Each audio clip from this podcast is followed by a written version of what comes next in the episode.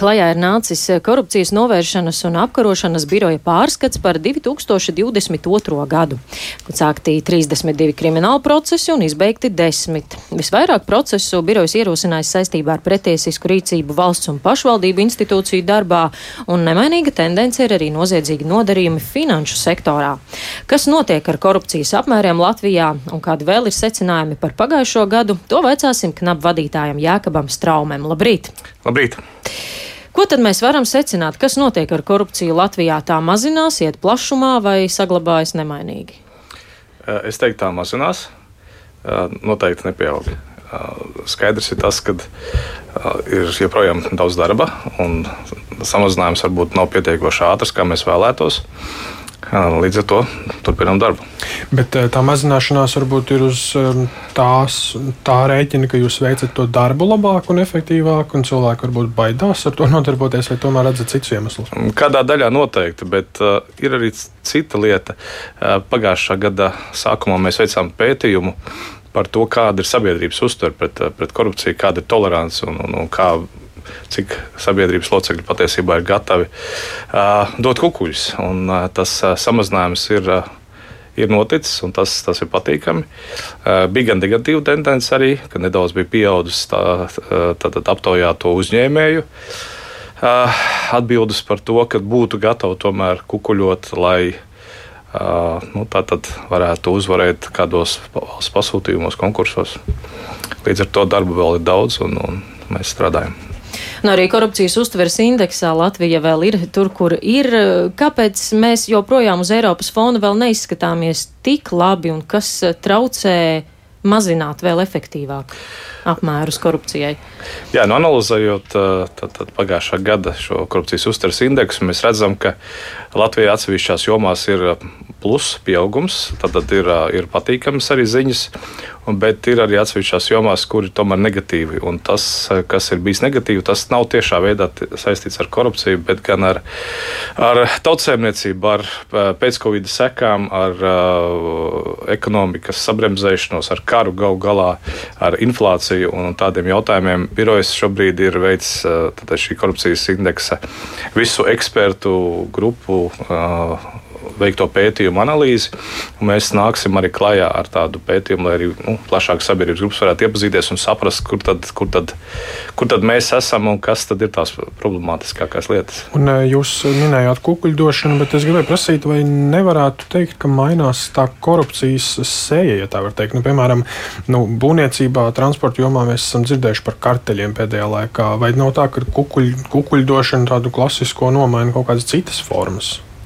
Nu, redziet, eh, kā gan savulaik konkurences padomus vadītāja, gan arī es pavisam noteikti piekrītu tam, nu, karteļošana iet roku rokā ar kukuļiem. Eh, ja eh, tātad pasūtītājs, kurš tātad veic šo valsts pasūtījumu un, un uzaicina teiksim, tos pašus būvniekus piedalīties, nepamanā to, acīm redzamo lietu, ka šeit ļoti ticami ir notikusi cenu sarunāšana, tad tad ir jāmeklē iemesls, kāpēc nepamanā. Acīm redzot, tas varētu būt kukuls.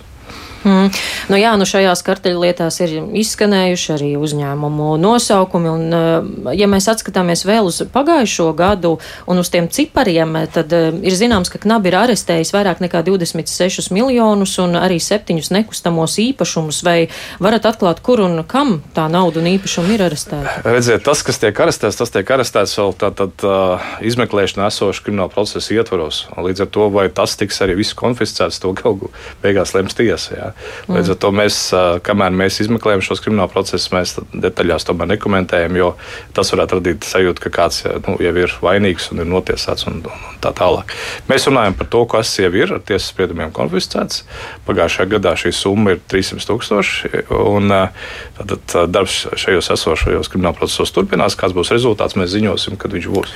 Un jūs vakar arī Saimnes aizsardzības iekšlietu korupcijas novēršanas komisijā nu, minējāt, ka jūsuprāt tiesas sodi, ko piespriež korumpantiem, tie ir laikam pārāk tādi maigi. Jā.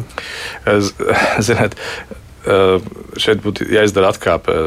Mēs, kā tiesība aizsardzības iestāde, nu, īsti nevaram komentēt neatkarīgas tiesas varas tiesnešu pieņemtu lēmumus. Tā ir tāda tikai un vienīgi mūsu mūsu varbūt, viedoklis. Jā, kad liktos, ka, nu, nu, kad varbūt kad tā prevencija pret korupciju koruptīvu, tātad kādu personu stāšanos koruptīvās attiecībās būtu lielāka, jo tomēr šie sodi būtu. Mēs neprasām nu, vaiprātīgus sodus, jā, bet nu, varbūt, ka tomēr, varbūt, ka tomēr tas, tas, tas varbūt nospēlētu preventīvi. Lai, lai nu, tie esošie sodi nebiedē gan tos pārkāpumus. Nu, redziet, ir ļoti daudz tomēr šo nosacīto sodu. Kas, protams, arī ir sots, jā, un, un mēs arī vakardien minējām, ka, ka varbūt ka būtu vēl arī nu, tāda nu, ideja, ka varbūt arī šos papildus sodus piemērot. Jo papildus sods, kā piemēram, minot aizliegumu ieņemt noteiktu laiku kādus amatus valsts pārvaldē, nu, tas tomēr arī atturētu. Nu, ja jau ir notiesāts, tad ir skaidrs, ka kā ir paslīdējusi. Tiesa ir pateikusi, ka ir tā kā ir paslīdējusi. Nu, tad varbūt neļaut vēlreiz uh, turpināt dalību valsts pārvaldē un varbūt iesaistīties atkal šādos, šādos, šādos koruptīvās attiecībās. Bet, uh, lai, lai, lai tiesu varu nepārprot, mēs, mēs par viņu darbu nesūdzamies, mēs tikai tā teikt izsakām drusku viedokli. Jā, nu, sots jau ir tas gala rezultāts kādām konkrētām Protams. lietām, bet par pašu to procesu un arī izmeklēšanu gribējām vaicāt vaicāt, kā jūs vērtējat sadarbību ar prokuratūru, vai jūs apmierina izmeklēšanas kvalitāte un šī gaita? Uh, sadarbība ar prokuratūru pavisam noteikti pēdējos gados ir uh, ļoti uzlabojusies. Uh, prokurori konkrētos krimināla procesos, kā uzraugošie prokurori, iesaistās uh, faktiski no paša sākuma, varbūt pat pirms krimināla procesa ir ierosināts. Tātad mēs strādājam roku rokā, lai saprastu, uh, tātad, kas mums ir, kādi lietiskie pierādījumi varbūt šobrīd jau ir savākti, un kāda būs virzība, un kas vēl ir jāizdara, kādi tātad, virzieni, kuros mēs mums vajadzētu vēl pastrādāt, un tad tas rezultāts būs nu būs. Uh, redziet, nu, būtiski arī pateikt to, ka ierosināts krimināla process nenozīmē, ka viņa ir vienīgais rezultāts rezultāts ir, ka kāda persona tiks atzīta par vainīgu. Patiesībā krimināla procesa ierosināšana nozīmē to, ka likums atļauj veikt noteiktas darbības, kuras var veikt tikai krimināla procesa izmeklēšanas laikā, un šo darbību veikšanas mērķis ir noskaidrot patiesību. Ja? Tad, tas, tas ir galvenais mērķis, kāpēc ierosim kriminālu procesu. Noskaidrot patiesību un, un noskaidrot, tātad, vai ir kāds vainīgs vai nav. Un cik veiksmīgi izdodas noskaidrot patiesību? Nu, tas ir, to mēs redzam pēc rezultātiem, kad, kad krimināla procesi jau nonāk tiesā un, un, un tiek iztiesāti. Ja? Gadās arī, kad uh, personas tiek arī attaisnots. Nu, es tomēr gribēju jautāt arī mums kolēģiem de facto sižetā izskanēja saistībā ar bijušā Latvijas bankas prezidenta Rimšēviča kunga to gadījumu, ka īsti nav bijusi tur tā konkrēta atļauja noklausīties sarunas. Gribēju prasīt par ko liecina šāda situācija, un vai tas ir nu, anormāli pieņemams šādā birojā?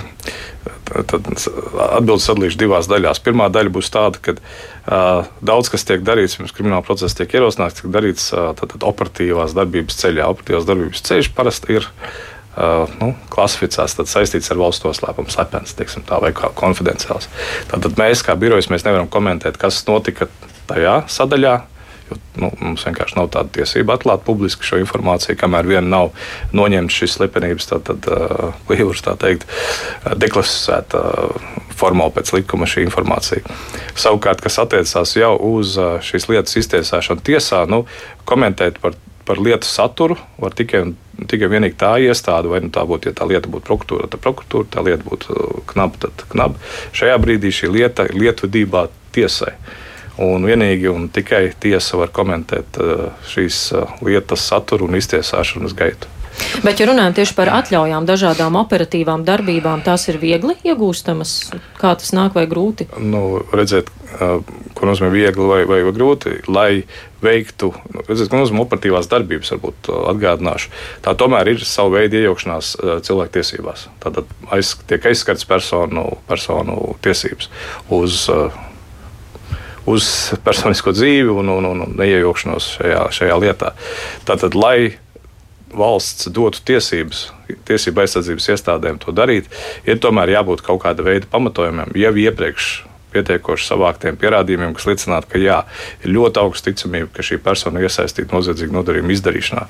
Un, un, un šīs tiesības daļā no operatīvās darbības pasākumiem tad, nu, noklausīties sarunas, teiksim, jā. dot tikai vienīgi augstākās tiesas tiesneši, kuri mm. izvērtē tad, tad visus šos materiālus. Nu, tad sekosim līdzi, kā attīstīsies šī un citas lietas, bet nu, tik tālu jāsaka paldies par sarunu šajā rītā. Paldies jums! Jā. Jā, sarunājamies ar korupcijas novēršanas un apkarošanas biroja vadītāju Jākabu Straumi.